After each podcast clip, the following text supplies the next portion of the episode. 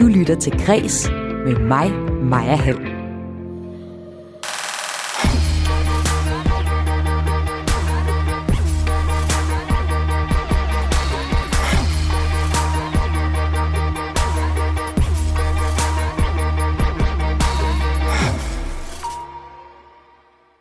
Hvordan mødte du din mand eller din kone? Han friede til mig, uden at han nogensinde havde set mig, og så blev vi gift. Det håber deltagerne i den populære tv-serie Love is Blind at kunne fortælle deres børn. This would be an awesome story to tell our kids. I met your dad in a social experiment where I was dating 14 other guys. He's like, I'm sorry, what, mom? Sæson 2 af den amerikanske serie Love is Blind er pt. det mest sete på Netflix herhjemme, og den undersøger, hvor meget udseendet egentlig betyder, når vi dater, forelsker os og kærlighed opstår. Og det er godt, at programmet fjerner fokusen fra udseendet, for det fysiske spiller sætter ikke en særlig stor rolle, og slet ikke så stor, som vi tror, lyder det fra hjerneforsker Troels Kær, her i dit daglige kulturprogram Kreds. Et program, der også skal handle om, hvordan teatre bliver mere bæredygtige. Foreningen Bæredygtig Scenekunst nu har i dag lanceret en klimaberegner til teatrene. Men er der tale om greenwashing? Det spørger jeg en af initiativtagerne bag kampagnen om senere i udsendelsen. En udsendelse, der allerførst skal handle om, at arbejdsforholdene i restaurationsbranchen er blandt de værste. Jeg taler med fagforeningen 3F om, hvordan de for eksempel får fat i de unge, der ikke aner, hvad en fagforening er. Og det gør jeg først her i udsendelsen. Mit navn er Maja Hall. Velkommen til Kris.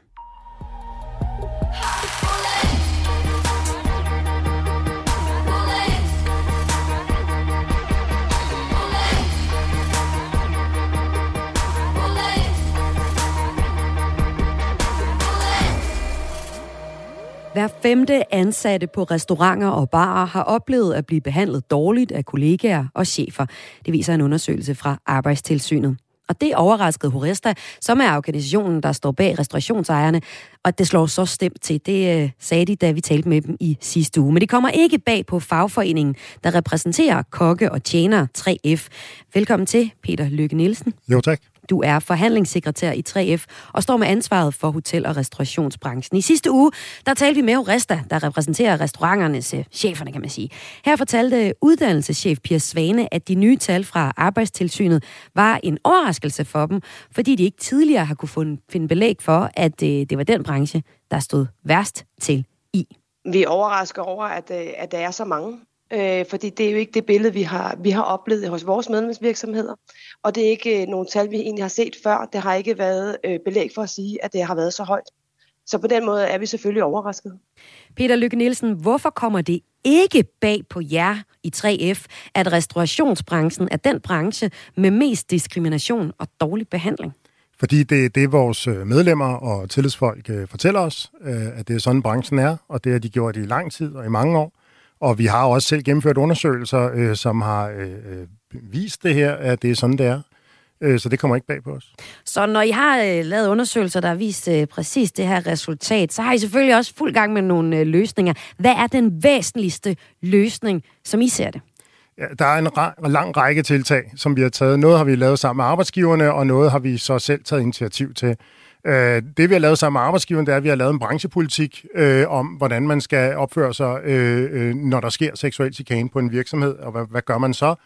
Øh, og så har vi lavet en opdatering af vores arbejdsmiljøhåndbog, som eleverne kommer igennem, som nu har fået et større og mere indgående afsnit omkring øh, seksuel chikane. Ja, nu taler du jo så om arbejdsgiver og om elever.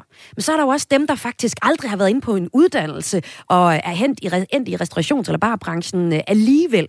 Debatten om arbejdsforholdene i restaurationsbranchen den blev for alvor skudt i gang, da den københavnske tjener Lisa Lind Dunbar i et essay i magasinet Atlas skrev om de hyppige tilfælde af seksuelle krænkelser, hun var blevet udsat for som kvinde i branchen, og også generelt dårligt arbejdsmiljø.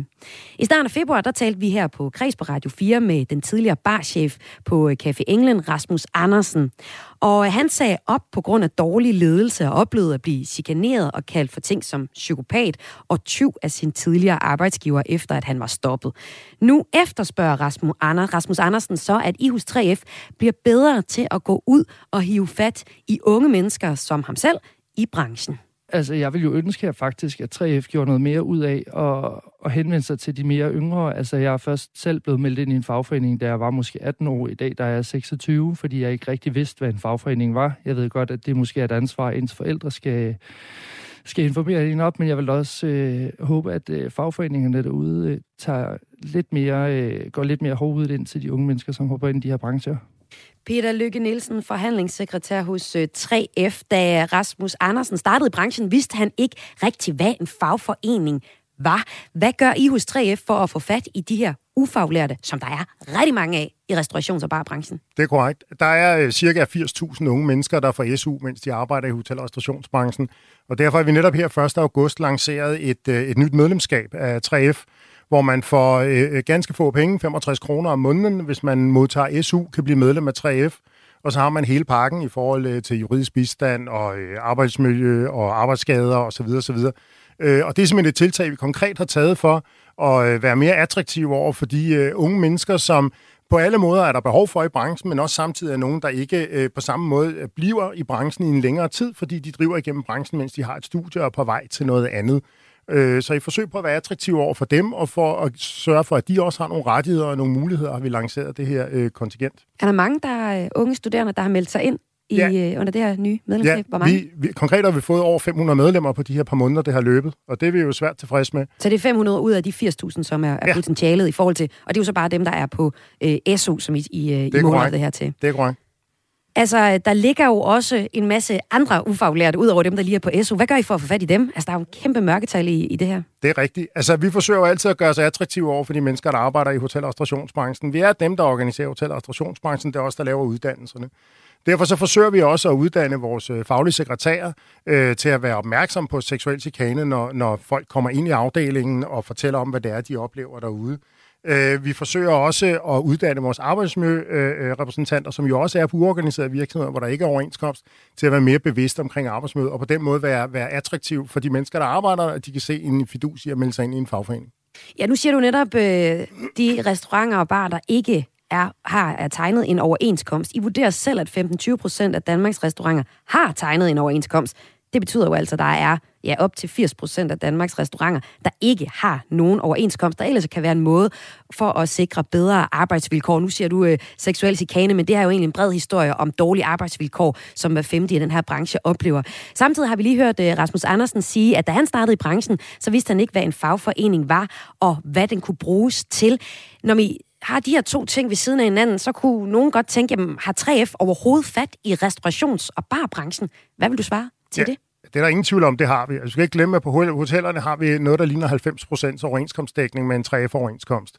Øh, det er rigtigt, der er et andet billede på hele restaurationsdelen, som er lavere, men det er også der står for uddannelserne, og det er også der laver de øh, overenskomster, som er de toneangivende på området. Så det er der ingen tvivl om. Men det er jo ikke det samme som at sige, at alt er lyserødt og alt er godt.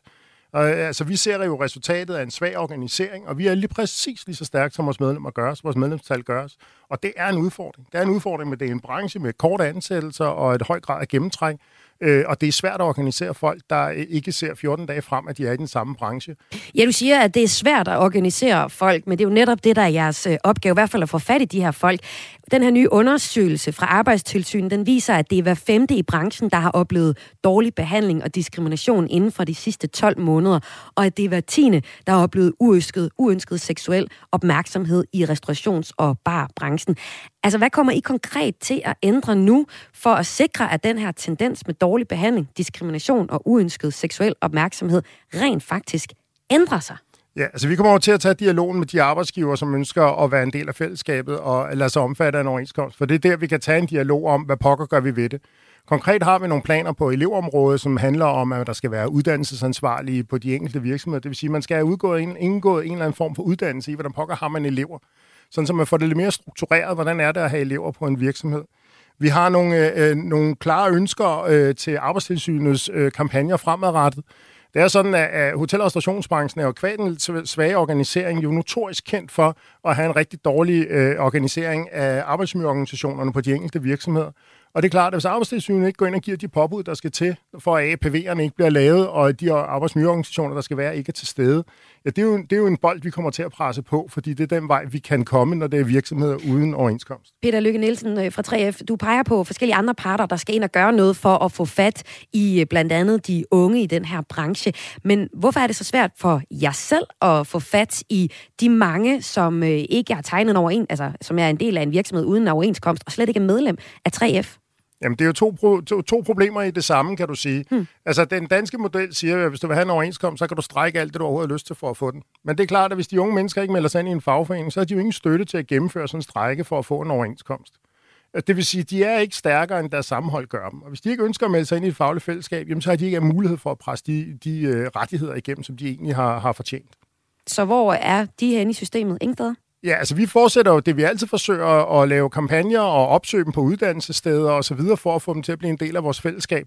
Men, men det er jo klart, at det skal jo være de unge mennesker, der kan se fornuften i det, at det giver mening for dem. Og, og, og jeg medgiver gerne, at det er en, en evig ongoing proces at finde ud af, hvordan kommunikerer man det bedst muligt. Altså, hvad er kernen i problemet? Kernen i problemet efter min optik er en øh, lav organisering, der gør den struktur, der er i andre dele af arbejdsmarkedet, der gør, at man undgår de her situationer ikke er til stede. Og hvorfor står det lige præcis så slemt til i restaurationsbranchen? Du er inde på, at den historisk set har været dårligt organiseret. Er det det, der er, er kernen i problemet i virkeligheden også? Ja, og så en høj grad af prekære ansættelser, korte, løse ansættelser, hvor man ikke ved, om man er der om 14 dage, og folk, der ikke har det som deres hovederhverv. Deres hovederhverv er at få SU, øh, og så skal de tjene noget ovenpå. Om de tjener det det ene sted eller det andet sted, det, det giver bare en anden type lønmodtager end sådan nogen som dig og mig, for eksempel. Ja, så taler du igen om, om de unge. Er det dem ansvaret ligger hos, eller er det hos jer? Hos 3F? Jeg er ingen tvivl om, at det er en god kombination af, at vi skal også være attraktive. Men det er også et spørgsmål om, de unge mennesker de skal kunne se sig selv i det, og de skal mene, at det er der, de får den styrke, der skal til, for at de kan få nogle ordentlige vilkår. Det er jo den danske model. Det kommer ikke ned fra loftet af. Sådan øh, lød det her fra 3 F. Tusind tak, fordi du var med, Peter Lykke Nielsen, der altså er forhandlingssekretær i 3F. Velkommen. Og det var altså på historien om, øh, hvor dårlige arbejdsvilkårene er netop inden for branchen med restauranter og øh, barer. Tallene de stammer fra en undersøgelse af arbejdsforhold på tværs af brancher, hvor Arbejdstilsynet i foråret 2021 har spurgt 30.000 lønmodtagere om deres oplevelser på arbejdspladsen inden for det seneste år. Om øh, lidt her i Kreds, der skal det handle om en reality-serie, som er rigtig, rigtig populær. Det er sæson 2 af serien Love is Blind, der handler om, jamen, hvad sker der egentlig, hvis man tager udseendet ud af den ligning, der handler om at blive forelsket og kærlighed. Men øh, før vi kommer til det, hvor vi faktisk skal tale med en hjerneforsker, der siger, at det er rigtig godt at trække udseendet ud af det, fordi udseendet betyder slet ikke så meget, når vi skal blive forelsket. Allerførst så skal det her i Kreds dog handle om bæredygtige teatre. Du lytter til Græs med mig, Maja Hall. Har du, som den klimabevidste kulturforbruger, du garanteret er, tænkt over, hvor meget CO2 du er med til at udlede, når du tager en tur i teateret? Jeg har sjældent, og du har måske nok heller ikke. Men hvis vi skal efterlade en sund planet til vores børn og børnebørn, så skal vi tænke på den grønne omstilling, og den skal vi tænke ind i alle aspekter af vores liv også vores kulturforbrug. Det mener mine næste gæster. Først medstifter og leder af foreningen Bæredygtig Scenekunst, nu Jakob Tejlgaard. Velkommen til Kreds. Tak for det. Sammen med brancheorganisationen Dansk Teater står I i dag bag en bæredygtighedskampagne, der hedder Three Rethink Scenekunst nu, som skal accelerere samarbejdet med øh, grøn omstilling og bæredygtighed i den danske teaterverden. Og kampagnen har I lanceret i dag på Aarhus Teater. Og fra Aarhus Teater, der har jeg administrerende direktør for teateret, Allan Ågaard. Også velkommen til dig. Tak. I er et af de teater, der øh, har arbejdet med, hvordan I kan minimere jeres CO2. Og hvordan I konkret har gjort det, det vender vi tilbage til om lidt. Først så skal vi lige høre om øh, det nye i dag, Jakob Tejlgaard. Sammen med brancheorganisationen Dan Teater har I altså øh, i Foreningen Bæredygtig Scenekunst nu lanceret en bæredygtighedskampagne for at give de øh, danske teatre nogle konkrete værktøjer til at sætte skub i deres bæredygtige omstilling. Hvad er det mest konkrete i den her det mest konkrete, det er, at vi har lavet en digital platform, der hedder Rethink Scenekunst nu, som består af en CO2-beregner til scenekunstbranchen og en øh, platform, hvor man kan formidle de klimainitiativer, som man gør ude på teatrene. Så man kan sådan skrive Romeo og Julie, tusind øh, publikum og bum, hvor meget øh, udledning, eller hvordan? Ja, det vil man faktisk kunne. Det er mm. det, vi kigger på lige nu. Vi er, altså selve CO2-beregneren er en prototypefase, så det vil sige, at vi tester den sammen med teatrene, så den bliver målrettet de enkelte teatres behov. Og så den anden del er så, at vi kan se, at teatrene gør rigtig mange grønne tiltag allerede. Vi taler lidt om, øh, at der er lidt greenwashing i stedet for greenwashing. Hvad mener du om det? Jamen, det betyder faktisk, at teatrene er ikke så gode til at fortælle om alle de tiltag, de faktisk gør. Og øh, der kan man sige, at øh, det kan jo være en fordel at fortælle sine forbrugere, altså publikum, hvad man gør, fordi man laver en grøn profil. Men i endnu højere grad er det vigtigt, at man formidler det på tværs i branchen. Og hvad Sådan. er det så, I hører at teaterne? Hvorfor er det, de ikke vil fortælle om det? Oh, jamen på den ene side, så er det fordi, at det er en helt integreret del af den måde, de arbejder på. Man har altid været presset i kulturbranchen af, at der ikke er så mange midler, så man har jo altid tænkt bæredygtigt.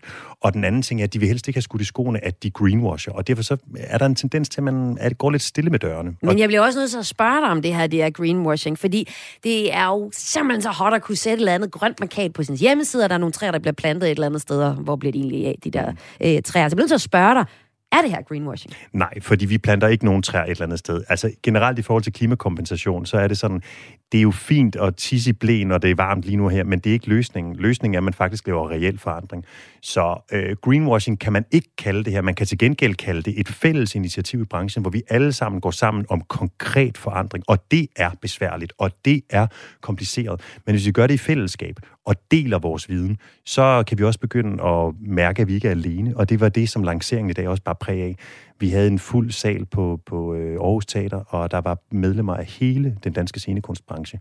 Og der var en varm stemning om, okay, vi er ikke alene, vi gør det sammen. Og det er jo så scenekunstbranchen. Mm. Er der et særligt problem der, siden at det, det er det sted? Jeg tror, der er, hvis man skulle sige problemer, der er udfordringer i alle brancher. I scenekunstbranchen, der kigger vi på, at øh, scenografi er en udfordring. Det er lige nu sådan oftest lettest at smide scenografien ud, når man er færdig. Så er turné jo, som i andre brancher, hvor man også turnerer, et problem, for der er mange kørte kilometer. Og så er det øh, faktisk publikumstransport, som er en lidt skjult øh, udleder her. Altså, hvordan kommer publikum til og fra mm. teatrene, øh, har også betydning. Og så er der selvfølgelig drift, som jo er i alle andre brancher. Hvordan drifter man? Ja, for man kunne også sige, altså, ifølge jer, så 20 procent af teaternes udledning, det er direkte udledninger. Det vil sige strømforbrug, transport, øh, vandforbrug og den slags. Resten, det er indirekte udledninger. For eksempel, hvis jeg tager min bil og, og kører de 10 km hen til teateret, hvis der var så langt, for mm. eksempel. Mm. Altså, er det her egentlig en reel opgave for teaterne? Det er et godt spørgsmål, og øh, det kan man jo argumentere for, at det ikke skulle være, men man kan omvendt også sige, at hvis vi på nogen måde skal nå øh, målsætningen om en 70% reduktion i 2030, så skal vi jo alle sammen være med her. Så man kan sige, på den måde er det et meget sympatisk projekt, hvor man siger, at ingen skal efterlades Ej, det er godt, du siger, at dit eget projekt er lidt sympatisk. nej, nej, nej, men det er heldigvis ikke alene, fordi jeg taler ja. på vegne af en lang ja. række aktører her, øh, som er gået sammen om projektet. Man kan sige, øh, hvis man skal nå i mål med det her, så skal alle øh, være en del af det. Og øh, i forhold til publikum, som du spørger om helt konkret her, så kan man sige, at det handler om at give publikum nogle øh, incitamenter til at vælge den grønne løsning. Så hvis der nu var en klimabillet, som vi hørte præsenteret i dag på vores lancering, at man har en klimabillet, altså en billigere billet, hvis du vælger offentlig transport eller tager cyklen, så giver det i hvert fald publikum øh, lyst til at vælge det grønne. Og det var altså noget af det, der blev præsenteret i dag, hvor I lancerede et nyt initiativ, der skal hjælpe teatre med at løfte deres bidrag til den grønne øh, omstilling, og det lancerede I i dag. Og øhm, jeg ville så også godt tænke mig at høre, hvad udleder egentlig mest CO2 på teateret? Altså, hvis vi nu tager de 20 procent, der er direkte udledning. Mm. Mm. Altså man kan sige, som jeg nævnte før, så er det jo de her fire store udledere, som er drift, scenografi, turné mm. og publikumstransport.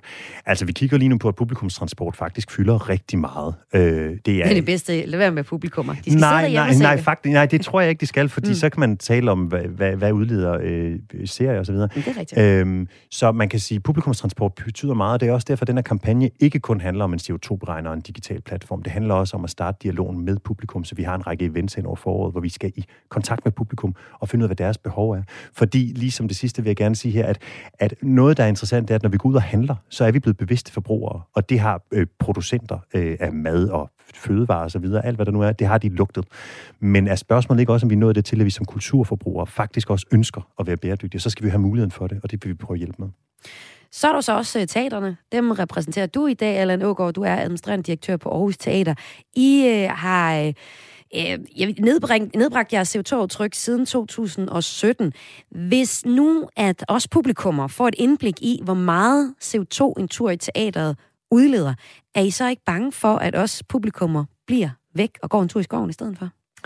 Nej, det tror jeg faktisk ikke vil være tilfældet. Altså, vi har alle sammen brug for kulturoplevelser og for adspredelse i livet og for at blive klogere på en række forhold. Så jeg tror bare, at vi er et af de elementer, som indgår i at have en god livskvalitet i det hele taget. Så jeg tror ikke, det vil afholde folk fra at gå i teatret.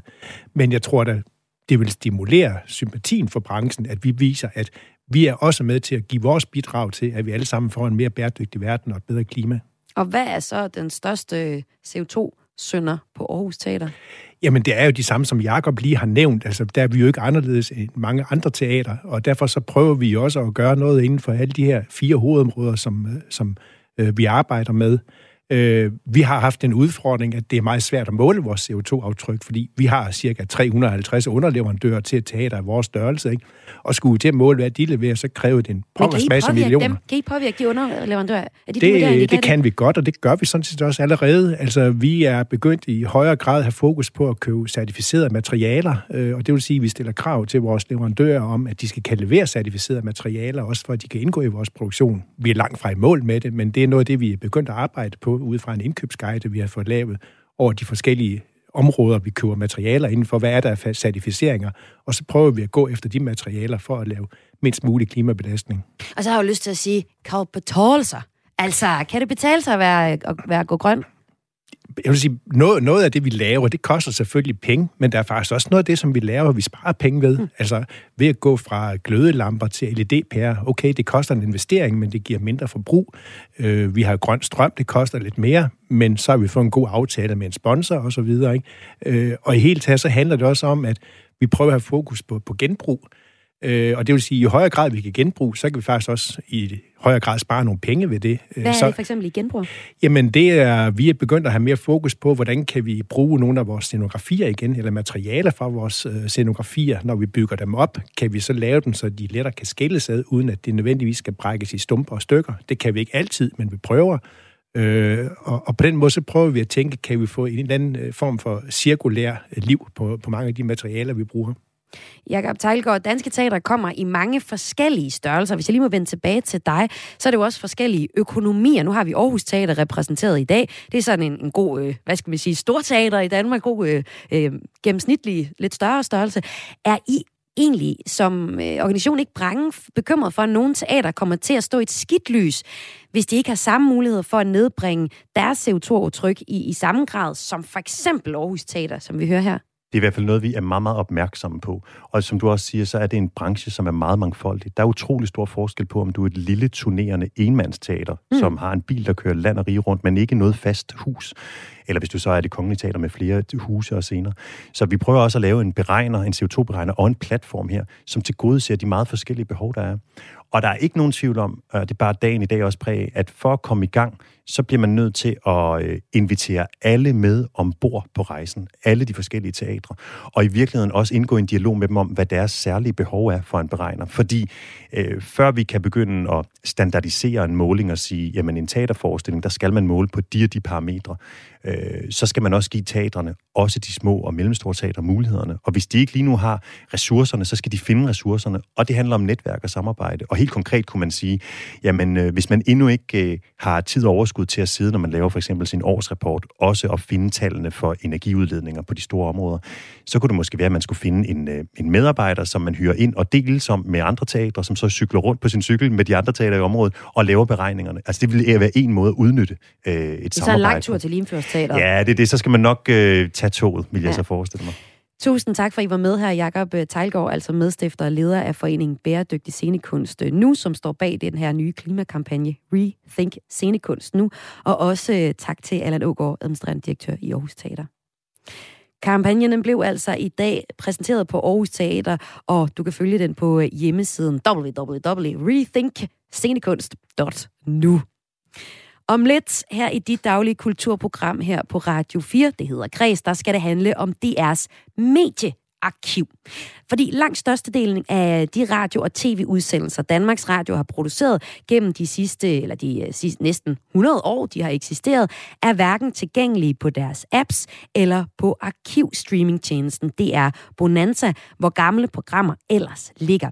Her finder du for eksempel øh, Kvit eller Dobbelt fra 1957. Radio Program 2 og fjernsynet. I de næste tre kvarter sender vi kvit eller dobbelt, et radio- og fjernsynsquiz om 10.000 kroner, Ja, og det kan man så finde, hvis man rigtig gerne vil høre det. Men der er nogen, der mener, at der skal være endnu mere indhold tilgængeligt. Det er, er nemlig sådan, der er meget mere indhold i DR's øh, mediearkiv, end det, man kan finde på DR's Bonanza, som for eksempel Kvitt eller Dobbelt fra 57, som vi hørte her. Men det skal der laves om på, det mener en kulturkommentator, som vil have politikerne til at gøre alt DR's arkivmateriale tilgængeligt for danskere, for det er fælles historie, finansieret af danskerne. Det taler jeg med ham med ham om senere i programmet, hvor jeg også får en reaktion fra Socialdemokraternes kulturordfører Kasper Sandkær, der egentlig umiddelbart er positivt stemt over for det, men det bliver dyrt. Inden det skal handle om den historie, så skal det her i kreds handle om, at udseendet slet ikke spiller så stor en rolle, når vi forelsker os, som vi ellers går og tror. Du lytter til Kres med mig, Maja Hall. Det ydre tænder det indre tæller. Sådan lyder de i en af de her livsbudskaber, du kan støde på i dit øh, Facebook-feed eller på en køleskabsmagnet. Men hvad nu, hvis det ydre bliver taget ud af ligningen? Hvis vi skal finde vores livspartner uden at kunne se vedkommende? Kan kærlighed så rent faktisk opstå? Det undersøger et af de mest sete tv-programmer lige nu. Truly blind. I'm sorry. What just happened? Ja, det er Love is Blind. Med i programmet er 15 kvinder og 15 mænd, og ud fra samtaler med hinanden skal de se, om de kan finde en, de vil gifte sig med. Finde et match, og hvis de gør det, så må de fri, uden at få lov at se hinanden. This would be an awesome story to tell our kids. I met your dad in a social experiment where I was dating 14 other guys. He's like, I'm sorry, what, mom? Allerede i første afsnit er der et par, der frier til hinanden, altså uden at de har set hinanden.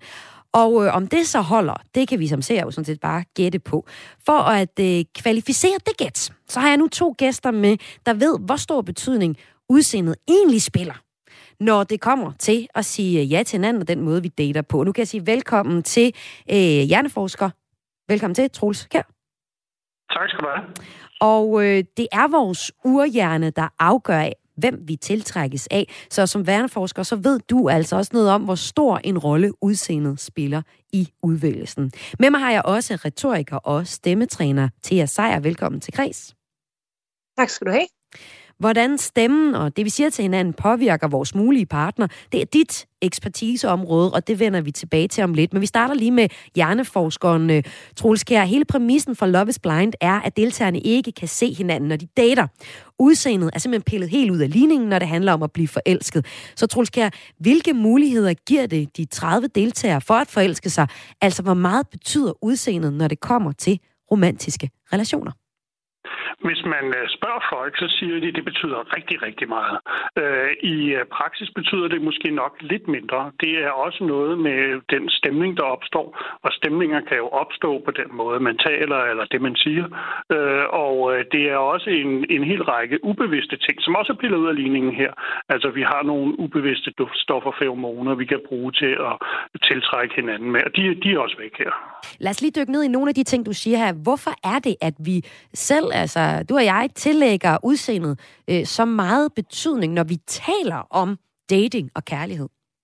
Hvis man kigger på hjernen, øh, så har den øh, fem inputsystemer, og det er dem, vi kalder sanserne. Og synssansen, den står for 85 procent af inputtet. Så derfor er det helt naturligt, at øh, vi tænker visuelt, at de fleste mennesker siger, jamen hvis han ser godt ud, så er jeg tiltrukket af ham, fordi vi er vant til at vurdere ved hjælp af synet. Og så når jeg altså i programmet her, så taler deltagerne faktisk, øh, de taler også lidt om udseendet, hvad de gætter på, hvordan hinanden ser ud, men de taler også om kemi og energier. Er det noget, der slet ikke er betinget af vores udseende?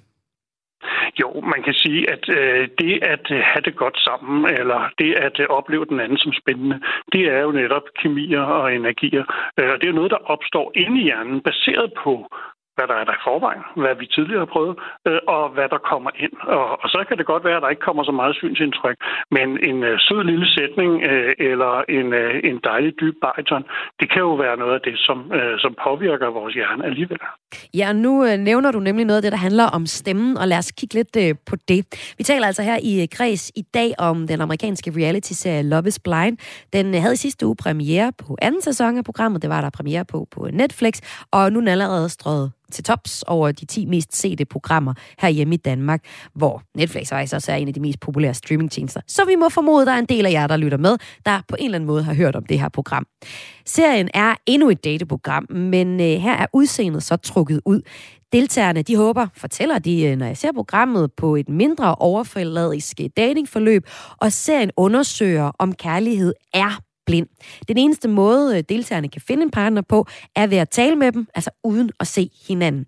Og øh, hvad der så sker, når de ser hinanden, det vender vi tilbage til med dig, øh, hjerneforsker Troels Kær. Men lad os lige få dig til at sejre som retoriker og stemmetræner på banen. Du er med mig endnu, ikke også, til? Jo, jo, jo. Jo, jo, jo, det er godt, det er godt, det er godt. Der er to ting, øh, som du lytter til. Og øh, den ene ting, det er, hvilken stemme man har sådan. Hvilken stemme man rent biologisk er født med. Og så den anden del, det er, hvad man siger, og hvordan man siger det. Og hvis vi nu lige tager udgangspunkt i et par eksempler fra serien, så kan det være, du lige kan sætte nogle ord på det. Mm. En af de mest øh, ombejlede mænd, det er Shane. Lad os lige høre, hvordan øh, han lyder. Hello? Who am I speaking to? This Shane is a Shane. Uh-huh. Yeah. This is Shane. How do you know that? Hello? Hello. Hi. Hi. Who am I speaking to? This is Shayna. Uh, hi, Shayna. Is this Shane? Yes. Hi, Shane. Is it that obvious? Hi, yeah. Why is it that obvious? Your voice. See, that's what everyone keeps telling me. Okay, til at sejre. Alle siger altid, at de kan genkende Shanes stemme. Mm. Hvad er der særligt ved den? Han har sådan en meget umiddelbar stemme. Altså, han lyder virkelig som en rigtig glad dreng i virkeligheden. Og jeg tror, det er derfor, de alle sammen kan høre, at det er ham. Det er, fordi der er sådan en speciel spænding i hans stemme, og han virker som sådan en, en lige tilfyr, ikke? Tror du også Så på jeg præmissen tror, at om, at, ja, tror du også på præmissen om, at man kan blive forelsket i blot at høre stemmen? Jeg tror i hvert fald, at de har en bedre chance for at lykkes end, øh, end ved øh, speed dating eller ved øh, kun at læse Tinder-profiler, fordi vi afslører så meget om os selv gennem vores stemme. Altså, vi afslører for eksempel, om vi er trætte, eller om vi er deprimerede, om vi er glade, om vi øh, er lette om hjertet, om vi er let til grin eller ej. Så der er rigtig meget personlighed i vores stemme, og derfor så tror jeg, det, øh, jeg tror egentlig, det er en meget god præmis. Og, og en del af den personlighed, den ligger jo så også i det biologiske. Prøv lige at sætte nogle flere ord på, hvilken type stemme er sådan grundlæggende god at have, hvis man vil opnå tiltrækning øh, hos en anden person, som vi jo altså hører, at øh, Shane, han er i hvert fald en, man genkender. Ja, han er helt klart en, man genkender. Og det kan jo være rigtig rart, når vi nu, netop som Troels også siger, baserer så meget på synsansen. Altså er der en eller anden sikkerhed i at kunne genkende noget lydeligt. Hvis vi kigger på studier i, øh, sådan, øh, på tværs af lande og på tværs af, af, af sådan, kultur, så, øhm, så er der kun én ting, som er gennemgående, og det er, at mænd foretrækker kvinder med lidt lysere stemmer, og at kvinder foretrækker mænd med lidt dybere stemmer end gennemsnittet. Eller hvis du har en ud af fire, så tager de den med den dybeste stemme. Øhm, så kan der være nogle individuelle forskelle fra land til land, øhm, hvor nogle kulturer, der kan man for eksempel øh, opleve, at kvinder bliver anset for at være mere sexede, hvis de har en, øh, en lidt dybere og rund og blød stemme, altså sådan lidt mere modenhed. Det kan også finde, øh, finde lande, hvor sådan noget som knirk, altså om sådan, ah, det kan vi også høre, at Shana, hun har i det, i det klip, du lige spillede nu her, øh, som er øh, kvinden, der er på date med Shane. Ja, og lad os da bare lige Øh, og hun fortsætte. anses, Ja, lad os da lige, lige ja, hun fortsætte anses med for at være meget sexet Ja, i det her program. Okay, jamen lad os få... Ja, det, hun er også meget selvbevidst, kan man også høre. Og det er måske også noget med, hvordan, hvad hun så siger, som også er en del ja. af det, man kan se på stemmen. Så lad os tage Shana, ja. hun var lige lidt med i klippet før.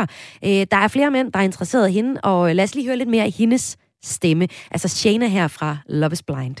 I think physical attraction is definitely important, but when you emotionally connect with that person, they're automatically physically attractive. I don't care what anybody says. You could be like a seven or like even a five. If, if I find them so funny and emotionally attractive and like they have such a good heart, like they become more physically attractive. Det er egentlig også meget sjovt, det hun siger her. Hun siger, at hvis jeg er emotionelt Ja. tiltrukket af nogen, så bliver jeg også mere fysisk tiltrukket af dem. Men det må vi jo høre hjerneforskerne af lige om lidt. Øh, Men lad os lige blive ved, ved Shana og den måde, hun taler på. Øhm, Hvad er det, der gør hendes øh, stemme, eller hende attraktiv ved den måde, hun bruger sin stemme på? Hun har sådan rigtig meget energi i sin stemme, og man kan høre, at hun smiler. Og så øh, har hun den krydret med nogle lidt andre ting. Altså hun har ord som like hele tiden, mm. som om hun finder på det, mens hun siger noget. Og så har hun også optoner, altså hvor hun siger sådan her, og så sådan her, og så sådan her. Mm. Øhm, og det vil sige, at hun, hun virker også umiddelbar og let tilgængelig. Hun virker ikke som om, hun har en facade, eller noget, hun gemmer, eller er deprimeret over. Hvor nogle af de andre deltagere, Danielle for eksempel, øh, ligger ikke skjult på, at hun har selvværdsproblemer, og hun har mindre værtskomplekser. Og, altså er en usikker kvinde, og det kan man også godt høre i hendes stemme. Hun har meget længere pauser, og øh, er lidt mere tilbageholdende, både i volumen og i, i toneleje, altså hvor lyst hun taler, og, øh, og i knirk. Så, så der er nogle elementer her, der også afslører, hvad de synes om sig selv. Altså hvordan de opfatter sig selv. Men nu nævner du så en af de andre, der, der gør noget, som, øh, som jeg tolker det, du siger, kan ikke, er ikke nødvendigvis det, der gør en til at være den mest populære øh, stemme i Love is Blind. Men det er jo faktisk hende, der har, har et match i den første, er det ikke det? Jo, jo. Og det tror jeg, fordi de finder intimiteten rigtig hurtigt. Mm. Og det er måske også øh, stemmen, måske der mere oprigtig. Ah. Ja, fordi hun har de der pauser. Mm. Hun har den der skrøbelighed. Øh, og måske også en, en, en altså, vælger lidt mere, hvem det er, hun lukker ind. Hvem hun rent faktisk vil fortælle noget om sine lidt mere personlige sider. Hvor Shana, hun virker meget som en åben bog, let tilgængelig, og de, mange af fyrene siger jo også, jeg føler, at jeg kan fortælle dig alt. Mm.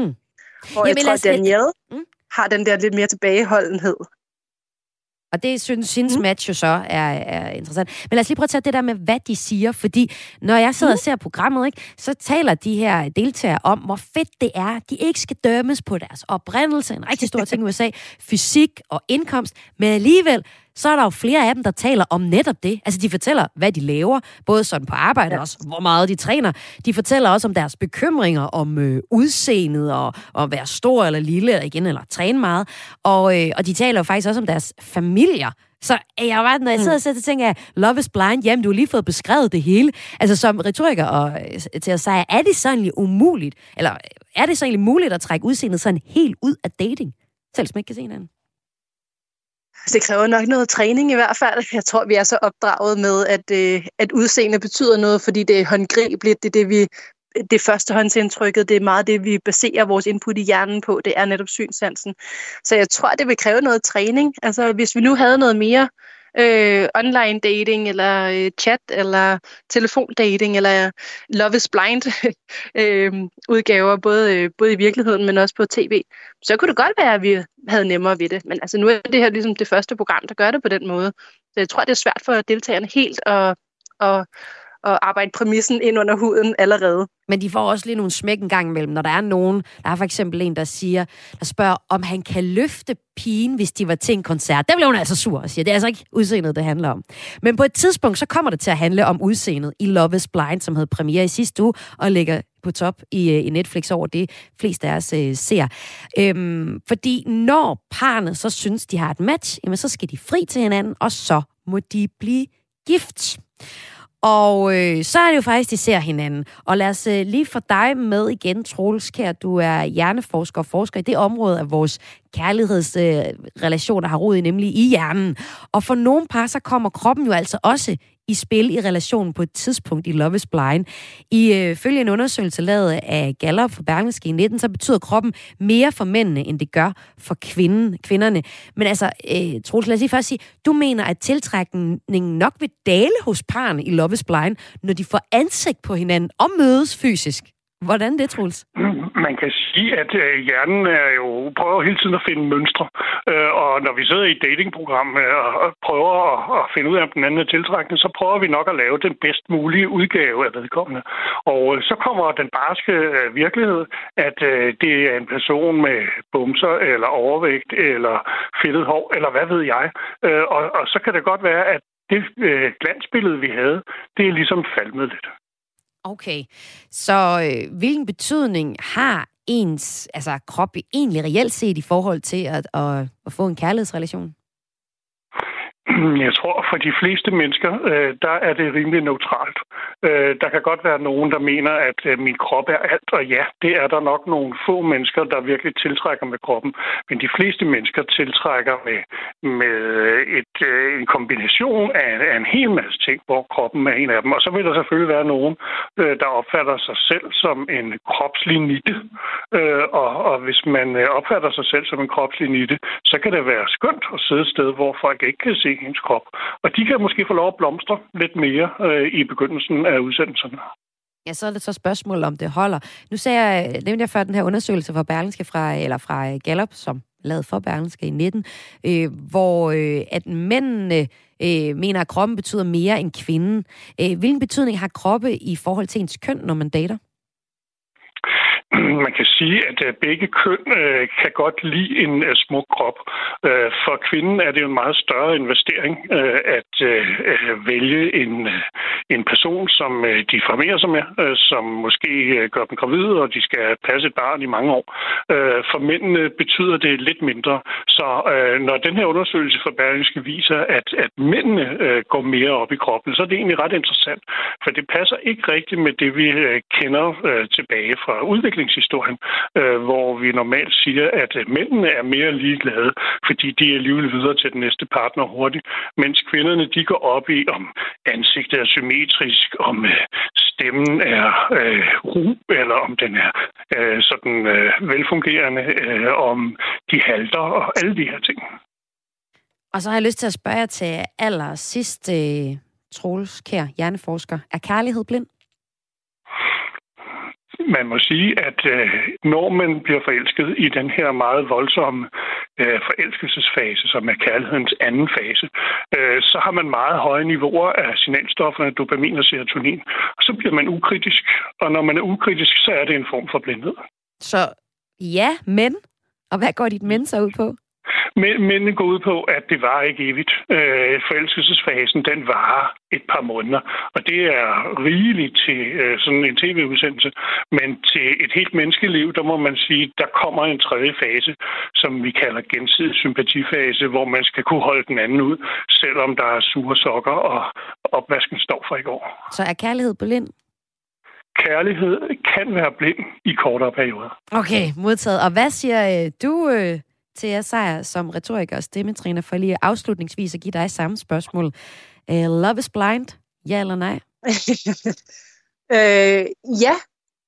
Ja, det tror jeg er det korte svar. Jeg tror, at det, det handler rigtig meget om, hvad det er for nogle øh, forventninger og øh, associationer og historier, man bringer med ind i sit forhold. Fordi det er fuldstændig rigtigt, at vi har et billede af den person, vi snakker med, selvom vi aldrig har set dem.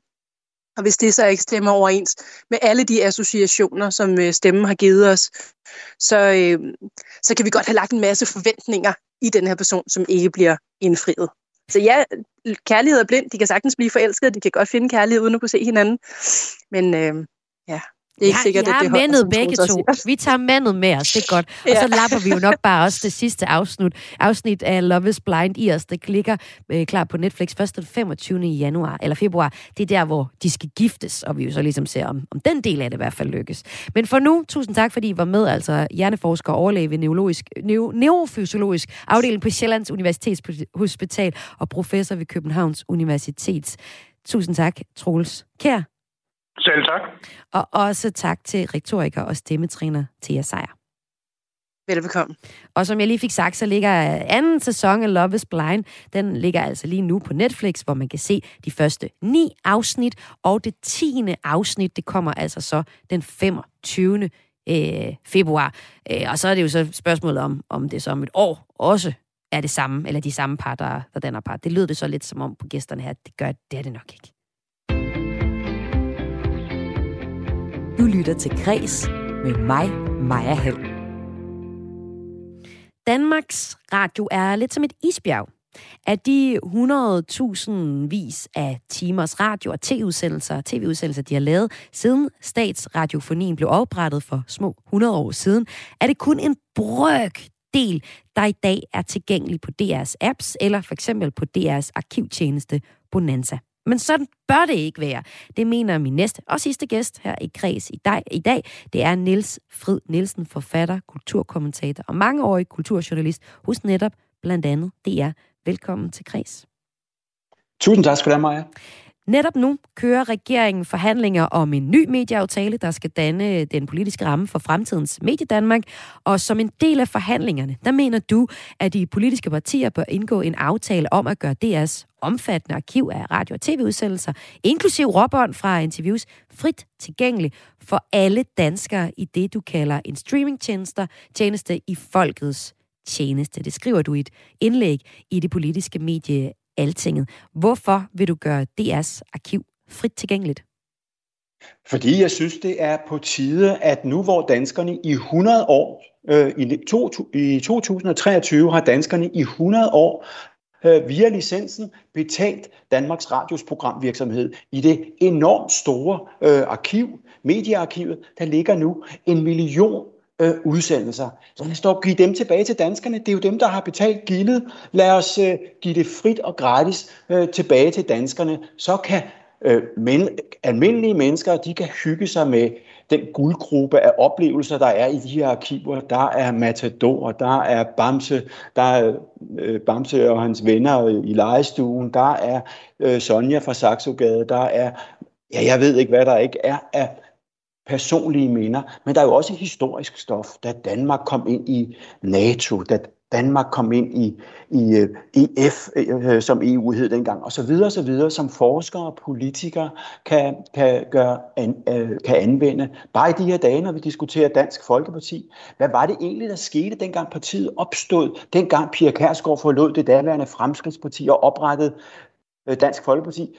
I arkivet kan man sort på hvidt, øh, på billeder og i lyd se, hvad var det, der skete? Hvad var det, de kaldte hinanden? Øh, var det lige så slemt dengang som i dag, eller var det i virkeligheden værre? Og så videre, og så videre. Det er en guldgruppe, som jeg synes, vi skal give fri til danskerne. Ja, du siger en guldgruppe, og der er jo også øh, ja. masser af materiale, der egentlig ligger tilgængeligt, blandt andet på øh, Bonanza, den her arkivtjeneste. Der kan man så for eksempel finde øh, kvit eller dobbelt fra 1957, som jeg har et lille klip af her. God aften, mine damer og herrer, og velkommen til den første udsendelse Kvit eller Dobbelt. En quiz om så mange penge som 10.000 kroner. Vi har fået ca. 400 henvendelser om deltagelse i denne quiz, og der er jo ingen, der siger, at vi har valgt rigtigt i de seks, vi i aften har klar. Ja, jeg fader lige lidt i det nu. Øh, stille og roligt quizprogram fra, fra 57, men altså faktisk kan finde nu. Det, du taler om, det er at gøre alt DR's materiale tilgængeligt. Også råbånd. Altså de bånd, hvor jeg sidder og, og vrøvler med Kasper Sankær, som vi skal høre fra lige om et øjeblik, mm-hmm. for der er et eller andet, jeg har misforstået, eller skal bede om, om at sige igen. Det er jo noget gammelt materiale, og noget af det også elendigt, og slet ikke aktuelt. Hvilken, altså, hvem har gavn af et gammelt øh, råbånd med Kasper Sandkær om øh, 100 år, eller kvitt eller dobbelt fra 57? Det er der rigtig mange, både forskere og politikere, journalister, øh, som, øh, som, som kan få brug for. Og vi skal i hvert fald ikke nu sidde og afskære fremtiden for at forske i, hvad skete der egentlig i vores tid. Bare se, altså som jeg nævnte, EU, hvordan kom vi ind i NATO, hvordan kom vi ud af 2. verdenskrig. Alle de ting er der jo mennesker, der sidder og forsker i i dag. Og hvis arkiverne er lukket ned, så kan man jo ikke forske i, hvad var det, der skete i Danmark. Det er det ene. Det andet svar på det, du siger, det er jo også, Maja, at, at øh, lige nu, øh, så handler det også om, at der skal er en medieeksplosion uden lige af, af engelsksproget kultur ind, der vælter ind over vores landegrænser øh, på streamingtjenesterne. Hvis vi vil have dansksproget kultur og indhold i fremtiden, så er det altså nu, vi skal værne om det. For så, ellers er det ikke sikkert, det er der om 10-20 år. Så, øh, så får vi danske film på engelsk, så får vi øh, måske også radio øh, på engelsk. Hvis ikke vi nu gør op med os selv, vil vi værne om den danske kultur, hvad enten den er elektronisk på papir eller på lyd. Og det er jo så øh, dig, der øh, fremhæver det her forslag om at gøre alt DR's materiale tilgængeligt. Det er du ikke ene om. Øhm, det er sådan, at med regeringens, med regeringen for, med regeringen for bordenden, der forhandler partierne på Christiansborg lige præcis i de her dage et kommende medieforlig. Og hvis DR's arkiver skal gøres frit tilgængelige, så er det altså her, det skal ske.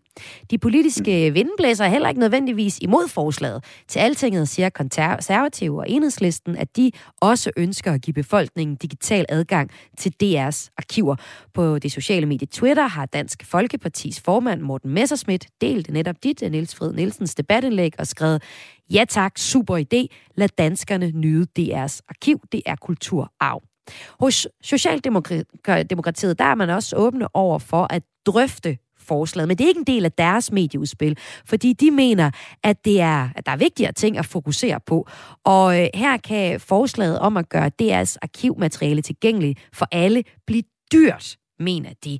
Det sagde partiets kulturordfører Kasper Sankær til mig, da jeg talte med ham lige inden udsendelsen. Det vil jo betyde, at man skal bygge øh, en, øh, en, en rimelig stor platform med, med rigtig meget serverkapacitet, og det betyder også, at det er en dyr Øh, øvelse at gøre det.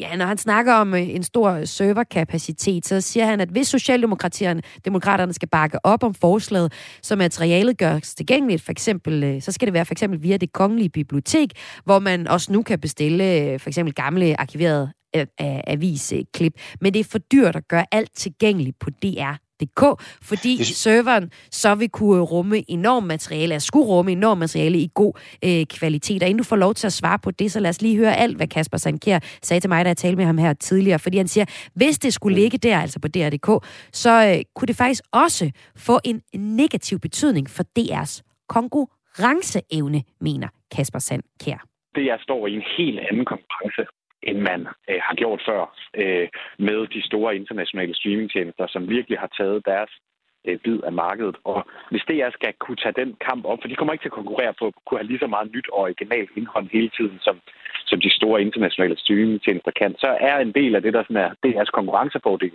det er jo også, at de har og kan udvælge og kuratere noget af det øh, ældre indhold fra deres øh, arkiver og kan gøre det aktuelt og kan gøre det relevant øh, igen. Det synes jeg jo, at de er ret gode til allerede i dag på deres, på deres platform, men, men jeg kan godt blive bekymret ved at, at fratage dem den, øh, den mulighed. Ja, eller også så kan det være en kæmpe mulighed i forhold til konkurrenceevne. For hvis øh, Matador eller Sonja fra Saxogade altid ligger tilgængeligt på DR, så er der jo altid mulighed for at se det indhold. Altså, hvordan er det påvirker deres konkurrenceevne negativt, at alt deres indhold ligger tilgængeligt hele tiden? Men det er jo, du taler nu om en løsning, hvor at alt DR's arkiver ligger inde på DR-TV, altså DR's streamingtjeneste, og det er en meget, meget, meget dyr øh, løsning, hvis alt skal kunne ligge der i den øh, kvalitet, som, som DR's streamingtjeneste selvfølgelig skal, øh, skal have. Øh, og derudover så tror jeg jo også, det ville blive, kan vi blive noget øh, rodet. Altså jeg tror i virkeligheden det der med at kunne når det er aktuelt, at kunne hive øh, indhold frem, som man, øh, som man kan gå ind og se i en begrænset periode, er også noget af det, der trækker folk ind øh, på platformen, og som måske også betyder, at man falder over noget af det andet gode øh, indhold, det jeg har produceret, eller at man måske endda falder over en tv-avis og, og har lyst til at, øh, at, at se den. DR's arkiv rummer næsten 100 års fælles øh, kulturarv, som er finansieret gennem os allesammens licensmidler. Kan man ikke omvendt så argumentere for, at danskerne nærmest har ret til at have fri adgang til arkivet i et eller andet format. Jo, det argument øh, forstår jeg godt. Øh, og, og der er heller ingen tvivl om, at vi har en, også en forpligtelse øh, til at passe på vores kulturarv, og der er DR's arkiver, der er en meget øh, væsentlig del af det. Og, og jo også som princip vil jeg jo også altid sige, at kulturarv jo også er noget, som skal være tilgængeligt. Øh, og derfor kan man jo sagtens også kigge på sådan mere øh, arkivløsninger eller biblioteksløsninger, øh, mere end, end, end at bygge en streamingtjeneste med arkiverne. Det vil også gøre omkostningerne væsentligt lavere lød det her fra Socialdemokraternes Kasper Sandkær. Og med mig har jeg stadig Niels Fred Nielsen, som er kulturkommentator i Debattelæg, og foreslår at gøre DR's arkivmateriale fuldt tilgængeligt. Deler du øh, den bekymring, som vi hører Kasper Sandkær komme med, om at det kan forvride DR's konkurrenceevne, hvis øh, alt materialet kommer til at ligge på en streamingtjeneste i god kvalitet? Overhovedet ikke. Overhovedet ikke. Jeg synes, det er meget gammeldags tilgang, han har til, til emnet. Det, DR's udsendelse skal ikke gemmes væk i bunden i kælderen nede i det kongelige bibliotek. Nej, de skal ud og være frit tilgængelige, nemt tilgængelige øh, på en app, øh, ligesom vi får alle mulige andre udsendelser nu om stunder her i det 21. århundrede. Hvem skal Det er betale for netop det? det? Det skal danskerne, og det har danskerne gjort i 100 år. Og 90 procent af udsendelserne i DR's øh, mediearkiv er faktisk allerede digitaliseret, og det er jo den aller, aller største udgift. Vi har, som du nævnte før, allerede en brøkdel af udsendelserne ude på Bonanza, så er opgaven nu at få lavet nogle aftaler, så man ikke bliver fuldstændig ruineret over at genudsende, eller over at folk kan frit se Matador lige så meget de vil. Øh, det skal man jo lave nogle aftaler med interesseorganisationerne om. Det har man allerede gjort i forbindelse med Bonanza, så der kan formentlig, der, så der er en model for, hvordan man kan lave en økonomisk øh, løsning, også med skuespillere, forfattere osv., dem der er, er ophavsmænd til, til de her udsendelser. Så som jeg ser det, så er det bare at komme i gang, og så forære danskerne øh, den her folkegave i 2023, øh, Men- men Niels Fryd 2025, Nielsen, når, når der er 100 års fødselsdag i Danmarks Radio. Jamen, det lyder skønt, men kommer producenterne, ja. altså nu siger du skuespillerne og øh, producenterne, ja, i det hele taget ikke til at tabe i det her? Altså bare lige helt kort, fordi øh, ja. hvis, man, hvis, hvis det skal ligge frit tilgængeligt hele tiden, hvis vi har en streamingtjeneste som, øh, som øh, Spotify, den betaler vi jo også for, men det her, det er jo ikke noget, der skal betales for. Kommer de ikke til at vi tabe det betaler her? jo i form af, vi, vi, vi betaler jo licensen, mm. og interesseorganisationerne, Koda og, øh, og, øh, og, og, og Copydan, de har allerede sagt, at de er indstillet på at gå i forhandlinger. De ved da godt, at den tid er forbi, hvor man laver kontrakter, hvor der er noget, der hedder premiereudsendelse, og så er der genudsendelser. Den tid er forbi. Nu om stunder ser folk ting, ser og hører folk ting på apps, og de og vi kan ikke sidde og styre, hvor mange gange de må høre det. Derfor skal sådan- laves nogle moderne, tidsvarende aftaler. Øh, og så vil det Tusind- kunne lade sig gøre økonomisk. Ja, og sådan bliver det sidste punktum her i den snak. Niels Frid Nielsen, forfatter og kulturkommentator. Tak fordi du var med i Græs. I lige måde. Og det var alt for udsendelsen dag tilrettelagt af Søren Berggren Toft, Lene Grøn